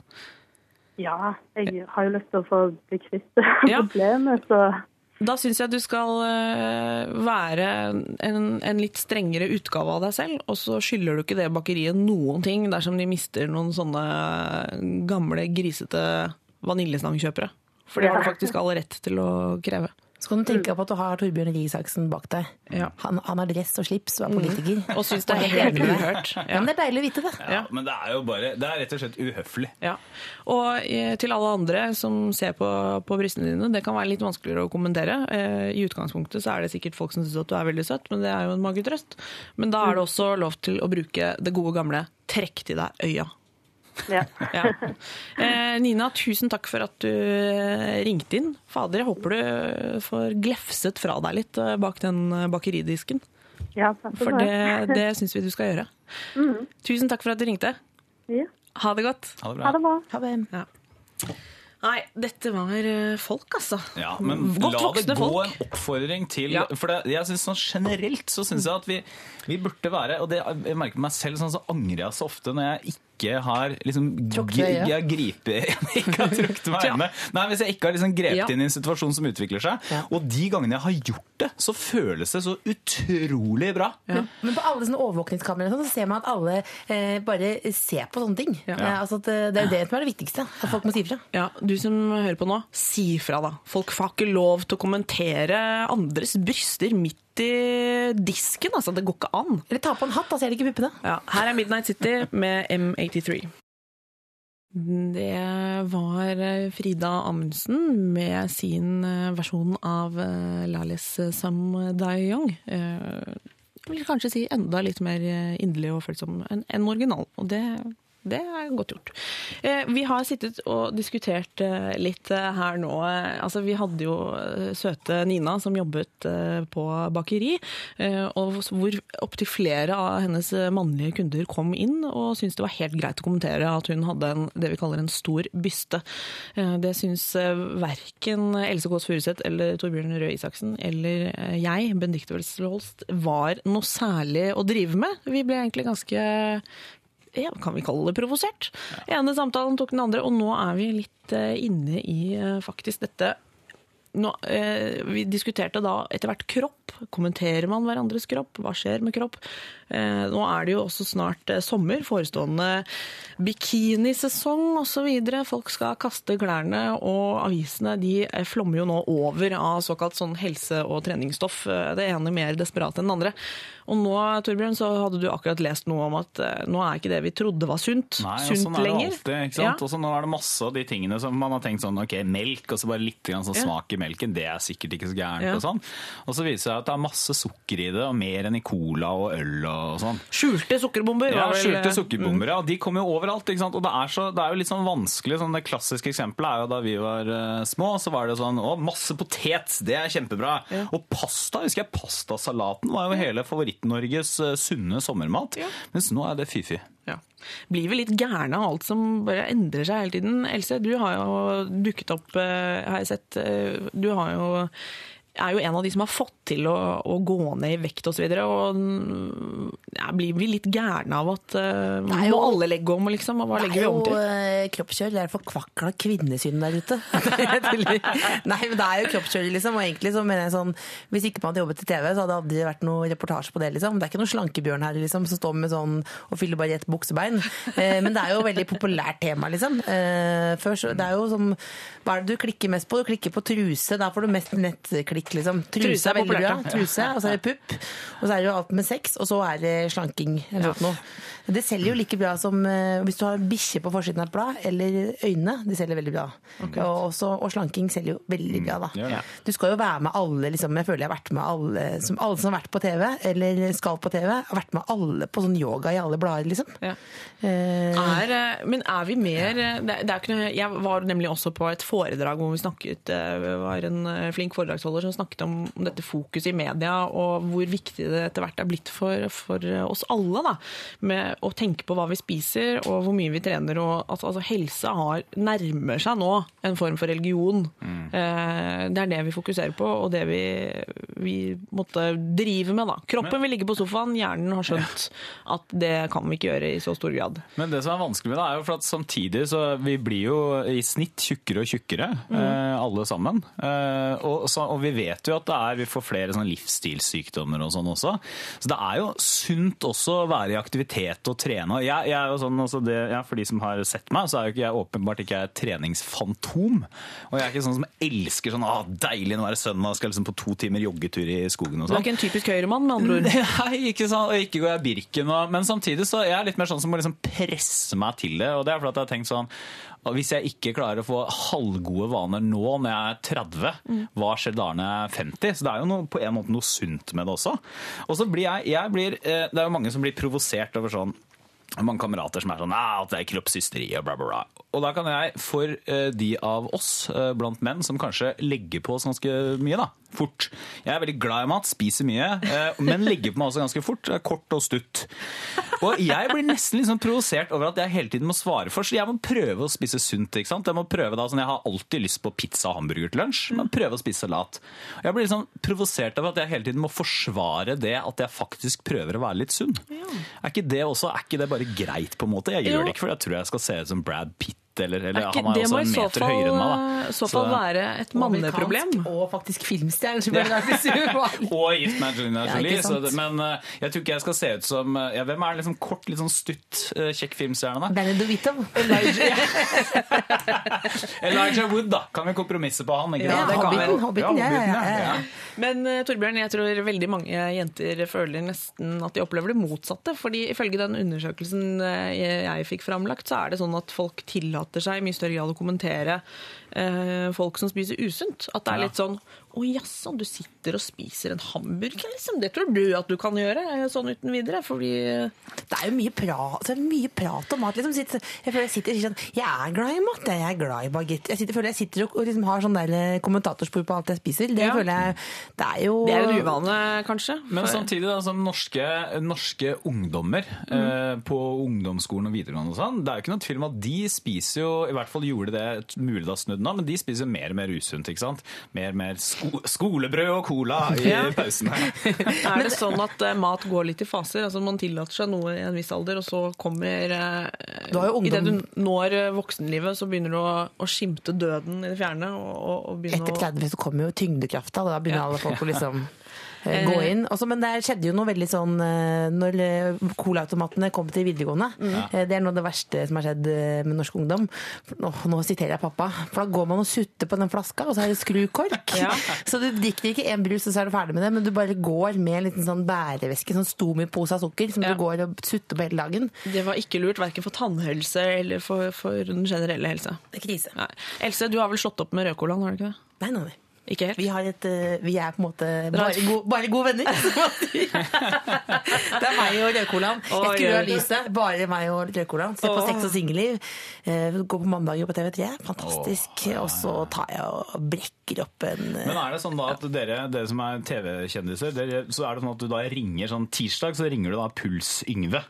Og sier sånn, Puls-Yngve, nå har jeg tatt en Yngvar, rødcola. du? Yngvar heter det, Ja. Pul, puls, det heter du. Puls-Yngvar. Nå har jeg tatt en rødcola, nå, må jeg- nå må jeg i trening igjen. Alle vi TV-kjendiser i gåsetegnet, vi har han på hotline. Han bor faktisk i boden min, eh, og der nede så pumper vi drar, sitter og knafser eh, og spiser eh, rucola. Rødcola salat. Ja, eh, det er altså sånn at selv om vi har noe sjokolade, trippel sjokoladeskons eh, her på bordet i studio på Marienlyst, så er liksom helsefokuset har hjernevaska Lørdagsrådet også. Men akkurat i dag er det jo lørdag. Og lørdagen gjelder fortsatt, gjør den ikke det, folkens? Ja, det gjelder, og så er det Photoshop, da. Så alle bilder er sjøl. Ja. Bare strekk litt på dem. Da kan til og med Torbjørn eh, se ut som Brad. Kjør noe, kjør noe strekk og, og, og noen fine hipstematic photos, så ser alle egentlig helt uh, topp ut. Eh, vi skal uh, ha et lite musikalsk avbrekk med Arctic Monkeys, som mange av dere er sabla glad i. Her kommer Are You Mine? Det var Arctic Monkeys med Are You Mine. Eh, vi har hatt litt av en dag her i Lørdagsrådet, det må jeg bare si. Eh, Kristian Strand ble sendt ut i sitt eget uh, utdrikningslag. Eh, har vi før nå. Hvor vi ble Kristian, egentlig? han har stått som pikkolo foran Grand Hotell, og eh, 20 av hans eh, nærmeste kompiser var her i studio og dro han med seg. Og hadde vært artig å høre, få inn en SMS fra en av kara og høre hvordan det går. Kanskje er Kristiansand eh, et helt annet sted, for å si det sånn, nå enn der han var. Eh, tilbake har eh, Else Kåss Furuseth og Torbjørn Røe Isaksen holdt fortet. Og vi skal ha et kjapt problem her nå. Eh, et problem jeg faktisk kan kjenne meg litt igjen i. Eh, Vi skal høre hva eh, problemet er. Hei, Lørdagsrådet. Jeg har en god venninne som er gravid. Vi pleier å være med hverandre hver dag, og vi finner alltid på morsomme ting. Nå føler jeg eh, at jeg kan, kanskje kan bli litt glemt når ungen kommer til verden, og at jeg kommer til å miste en god venninne som ikke lenger har tid til meg. Eh, hvordan skal det gå for meg når venninnen min får baby? Har dere noen gode råd til hvordan vi kan holde kontakten? Ja? Men det, Ja. det tror jeg er et utrolig typisk problem. Ja. For det er liksom det er sånn, den ordentlige, det er liksom to sånne overganger til voksenlivet. Og det er når man blir samboer eller gifter seg. altså en av de to tingene, Og så er det når man får barn. Da blir man liksom ordentlig voksen, går over i en ny fase. og Det kan være slutt på sånn Ja, nå drar vi ut. Det er torsdag, men vi drar ja. ut. Eller samles vi for å se for å trene. samles vi på mandag for å se Sex og singelliv eller noe sånt. Ja. Og vet du, hva jeg, vet du hva jeg mener? Jeg mener at de som ikke får barn, må tilpasse seg. Ja. Faktisk, jeg, jeg har ennå ikke barn, men jeg mener at det er det man må gjøre. Det er, så, det er så fint og vakkert tror jeg, få barn, og det er helt naturlig at man er veldig opptatt av det. Og så kan man selvfølgelig slå ned på hvis det er sånne folk som bare snakker om graviditeten sin og barna sine Ja. hele tida, for det trenger man ikke å gjøre. Men det er først og fremst alle vi barnløse som er nødt til å bare si at eh, vet du hva, det er veldig gøy for deg, jeg har lyst til å tilpasse meg litt din hverdag. ja. Else, innspill? Helt uenig. Jeg syns det er helt jævlig unge. Nei, Nei men det verste er jo at eh, du, alle de eh, venninnene dine popper ut eh, med små barn. Ja. Så blir man veldig glad i de barna. Rett og slett. Så det er jo hyggelig. Så man slipper jo liksom Før så var jeg mye mer sånn Glowstick-festival. Nå kan det Nei, nei, jeg vet ikke. Men det er jo veldig, det er jo veldig hyggelig. Og så tror jeg at du blir ikke glemt, vet du. Nei, er det sånn at uh, man som bestevenninne hvor, hvor den andre får barn, blir man helt faset ut? Er det, er det en reell uh, frykt? Men, men det kan hende litt, for at vennskap bygges ofte rundt sånne ting man har felles. Og det er noen vennskap man har som er sånn Vi hadde det felles at vi var studenter sammen, og så gikk- vi mye ut, og så prata vi mye om sånne, det som skjedde når vi var ute på byen. Og så er det noen vennskap som bare ikke takler overgangen til en ny fase. Og det i løpet av et langt liv så må man jo regne med at noen venner blir borte også. Og det er alltid veldig vemodig når man tenker tilbake på det. Man sitter på loftet og så ser man gjennom fotoalbum og husker sommeren 2002. Men, så, men sånn er det Eller. Facebook, da, som også noen Facebook har, har sin digitale historie. Eh, Men er det ikke sånn at eh, Nei, nå skulle jeg si en vits, men det Men er, men Det er det noe vår, vår innsender eh, eh, Lisa eh, kan gjøre for å holde en viss kontakt? da? Altså det er vel eh, har, Men vært kontakten forsvinner jo ikke. Det er bare sånn kanskje på 17. mai, så er det sånn at så, da er det sånn ok, da, hvis ikke du er i det toget, men sånn, det er jo ikke sånn, du gjør jo ting. Men de er jo ikke ute, de er jo ikke ute og, og kjører longboard hver kveld. Nei, og barn legger seg jo veldig tidlig. Kanskje Ja, det er en så er mulighet til å komme bortom på besøk? Nettopp, det er det. Jeg tror at du er nødt til å bare For eksempel så er det ingenting som tilsier at hvis du er hjemme og passer ditt eh, relativt nyfødte barn, at ikke du kan ha venner på besøk allikevel. Mm. Går det? Og barn er ganske hvis de, de første åra i hvert fall, så legger de seg jo kjempetidlig. Ja. Så, Og jeg da tror det kan de se på DVD. de. Ja, ikke glem, Ikke glem de, og så prøv å få dem med, og så prøv å invitere dem med ut på ting Ja. og sånn. Hørte du det, Lisa? Det er ikke noen grunn til at det tar helt slutt. Eller du kan prøve å overtale til en ta abort. Else Kåss. Kom igjen, da. Du, eh, det blir eh, muligheter for å se DVD, for barn legger seg veldig tidlig. Du kan være med på trilletur, og du kan også tilby deg å sitte barnevakt. Det kommer til å ordne seg. Eh, og gjør det ikke det, så får du nesten ta det derfra. Her får du 'Princess of China' med Coldplay og Rihanna. Lørdagsrådet Det var Coldplay sammen med Rihanna og Princess of China. Så Coldplay er jo nå helt sånn up there med glowsticks og hele pakka, og kan samarbeide med hvem de vil. Og da, da er liksom Rihanna er dama. spørsmålet er burde de samarbeide? Er- Eller for å si det, burde de andre la Chris Martin komme inn og synge på sangene deres? Er litt sånn samme som dere føler med forhold til Frp, ikke sant? Burde de samarbeide? Burde, burde de samarbeide? Må de dette? Men Chris Martin, jeg syns ikke Ofte blir det ikke så god musikk av det. Nei. Torbjørn Røe Isaksen der med, med innspill på P3s uh, musikkliste, og det er lov. Det er helt lov. Uh, vi har kommet til det punktet i sendingen hvor vi skal dele ut en T-skjorte til uh, en av dere som har sendt inn problemer i dag. Og da kan jeg kjapt oppsummere. Det er altså Else Kåss Furuseth og Torbjørn Røe Isaksen som skal bestemme hvem som får en P3-T-skjorte. Eh, skal det være f.eks. han vi snakket om i dag morges som var bekymret for forholdet til kompisen? Skal det være den eh, tenåringsmammaen med, med røykende datter på Facebook? Eh, hva med eh, venninnen som har eh, løyet om at hun har ligget med samme gutt? Den halvrasistiske svigermorproblemet har vi vært innom, det engasjerte. Vi hadde hun som står i bakeri og, og blir, får kommentarer om sin barmfagerhet. Og vi har også en venninne som har en venninne som er gravid, og lurte på om det var eh, slutten på hele vennskapet. Hva, hva syns dere? Jeg synes at Når du har fått kjønnssykdom, så trenger du ikke en T-skjorte ved siden av. Da, da utelukker vi på en måte den. Men eh, nei, det er jo mange, det er mange gode kandidater. Du kan bestemme, Torbjørn. Nei, ja, men jeg- Det hadde vært veldig gøy hvis, tenk hvis det ble 50, altså 1-1 her. Det hadde vært veldig spennende. Men eh, nei, jeg synes jo um, ja, ja, Mitt hjerte går litt sånn ut til de som har litt sånn personlige blir rammet av dette her. Ja. Altså det er, det er selvfølgelig vanskelig å vite om du skal si fra til kameraten din hvis du mener at kjæresten hans oppfører seg uakseptabelt, eller kanskje om du skal si fra til dattera di når du har oppdaget at hun røyker på Facebook og sånn. Men det er ingen som får så mye tyn som hun som da står i et bakeri og får kommentarer fra slibrige menn om kroppen sin. Ja. Men hun, hun med store pupper skulle ha. T-skjorten. Ja, det er det Ja, jeg foreslo. men det er jo ikke sikkert det er i din størrelse, for du har såpass store brød. Nei, jeg bare tulla. Jeg, oi, jeg er dekopp sjøl, så jeg får det. Flytt, kjør, kjør ut. Pump ut. Ja, vi, eh, Nina i, som sto alene i et lite bakeri, an, antar jeg at det er, hvor det kommer ofte én kunde av gangen eh, og kommenterer at eh, 'neimen, så store brød du har av'. Eh, ting i den leia der, og, og lurte på hva hun skulle gjøre. Det har vi diskutert tidligere i dag, og vi, vi, Ja, det er vi sånne kom menn som fram har sånn nikket sånn at Arne 1954 Ja. på ja. Dårlige folk. Og det gjør at Nina fortjener T-skjorte. Det kommer hun til å få. Eh, tusen takk, eh, Else Kåss Furuseth og Torbjørn Røe Isaksen. Det går mot slutten i dagens Lørdagsråd. Dere har vært her i, i snart tre gode timer. Det har gått som en vind. Ja, det har det. De tre timene, beste tre timene i livet mitt.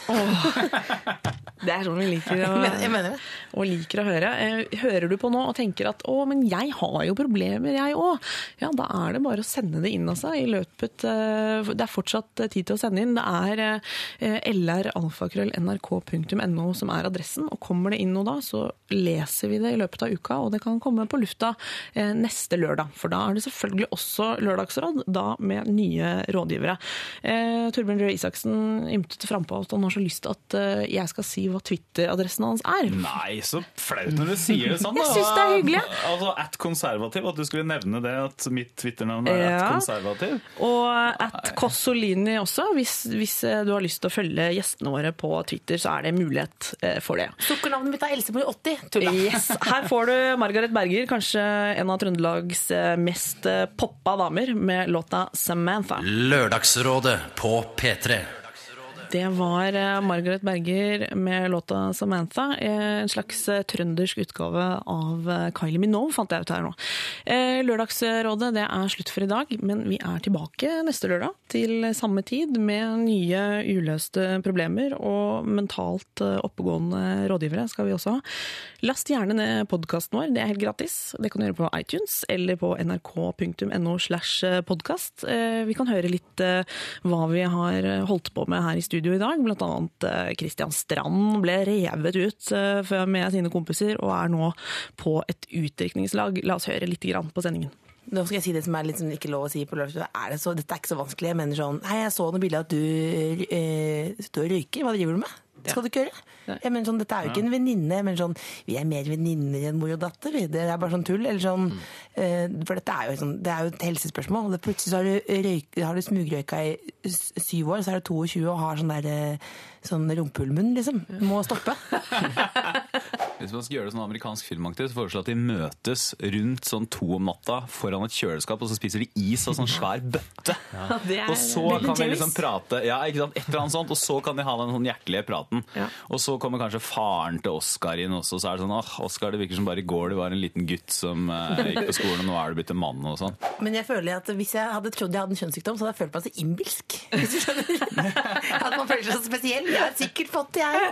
Jeg har sikkert fått noe. Nei, du har ingenting. Du er ingenting. Så jeg tror ikke jeg ville turt liksom, å, å bry leggen med det. Altså, bare, nei. Det skal Men- man egentlig gjøre. Jo, og nordmenn de har sånn forhold til kondom med at det er sånn Vi bor jo i verdens rikeste land, det er jo bare streite folk, her, jeg får ikke noe kjønnssykdom, jeg. Og så har vi mest i hele Europa. Tenk litt grann på det.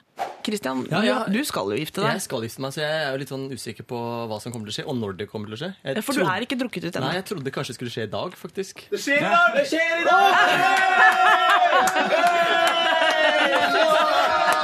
Oi, oi, oi, oi, oi. Oi, oi, oi. Her renner det inn med 20 gira menn. Oi, oi, oi, Kristian, nå er du lurt. Senest i dag da, på jobb så var det en mann i sikkert 50-åra som sa til meg eh, Gud, så store bryster du har. Nei, men Så hva sier du da, liksom? Det er altså podkasten vår som du kan eh, laste ned. Det blir tre timer med ren prat, ikke noen musikalske eh, avbrekk. Bare sånn at du er forberedt på det. Eh, Hvis du er klar for, klar for noe sånt, så er podkasten vår ypperlig. Eh, Snart eh, Du kan fortsatt sende oss problemene dine eh, på lralfakrøll.nrk.no, så kommer de kanskje med i neste sending. For vi leser dem og går gjennom, og, og veldig mye av det har vi lyst å bruke her på lufta. Snart så får du Best of Radioresepsjonen, så det er ingen grunn til å slutte å høre på P3. Eh, lim deg fast til det apparatet du lytter til, og bli her. Og så må du ha en deilig lørdag fylt med spas eh, og moro. Ha det bra. Vi høres eh, neste helg. Du hører nå en podkast fra NRK P3. Hent flere podkaster fra NRK på nettsiden nrk.no podkast. NRK P3.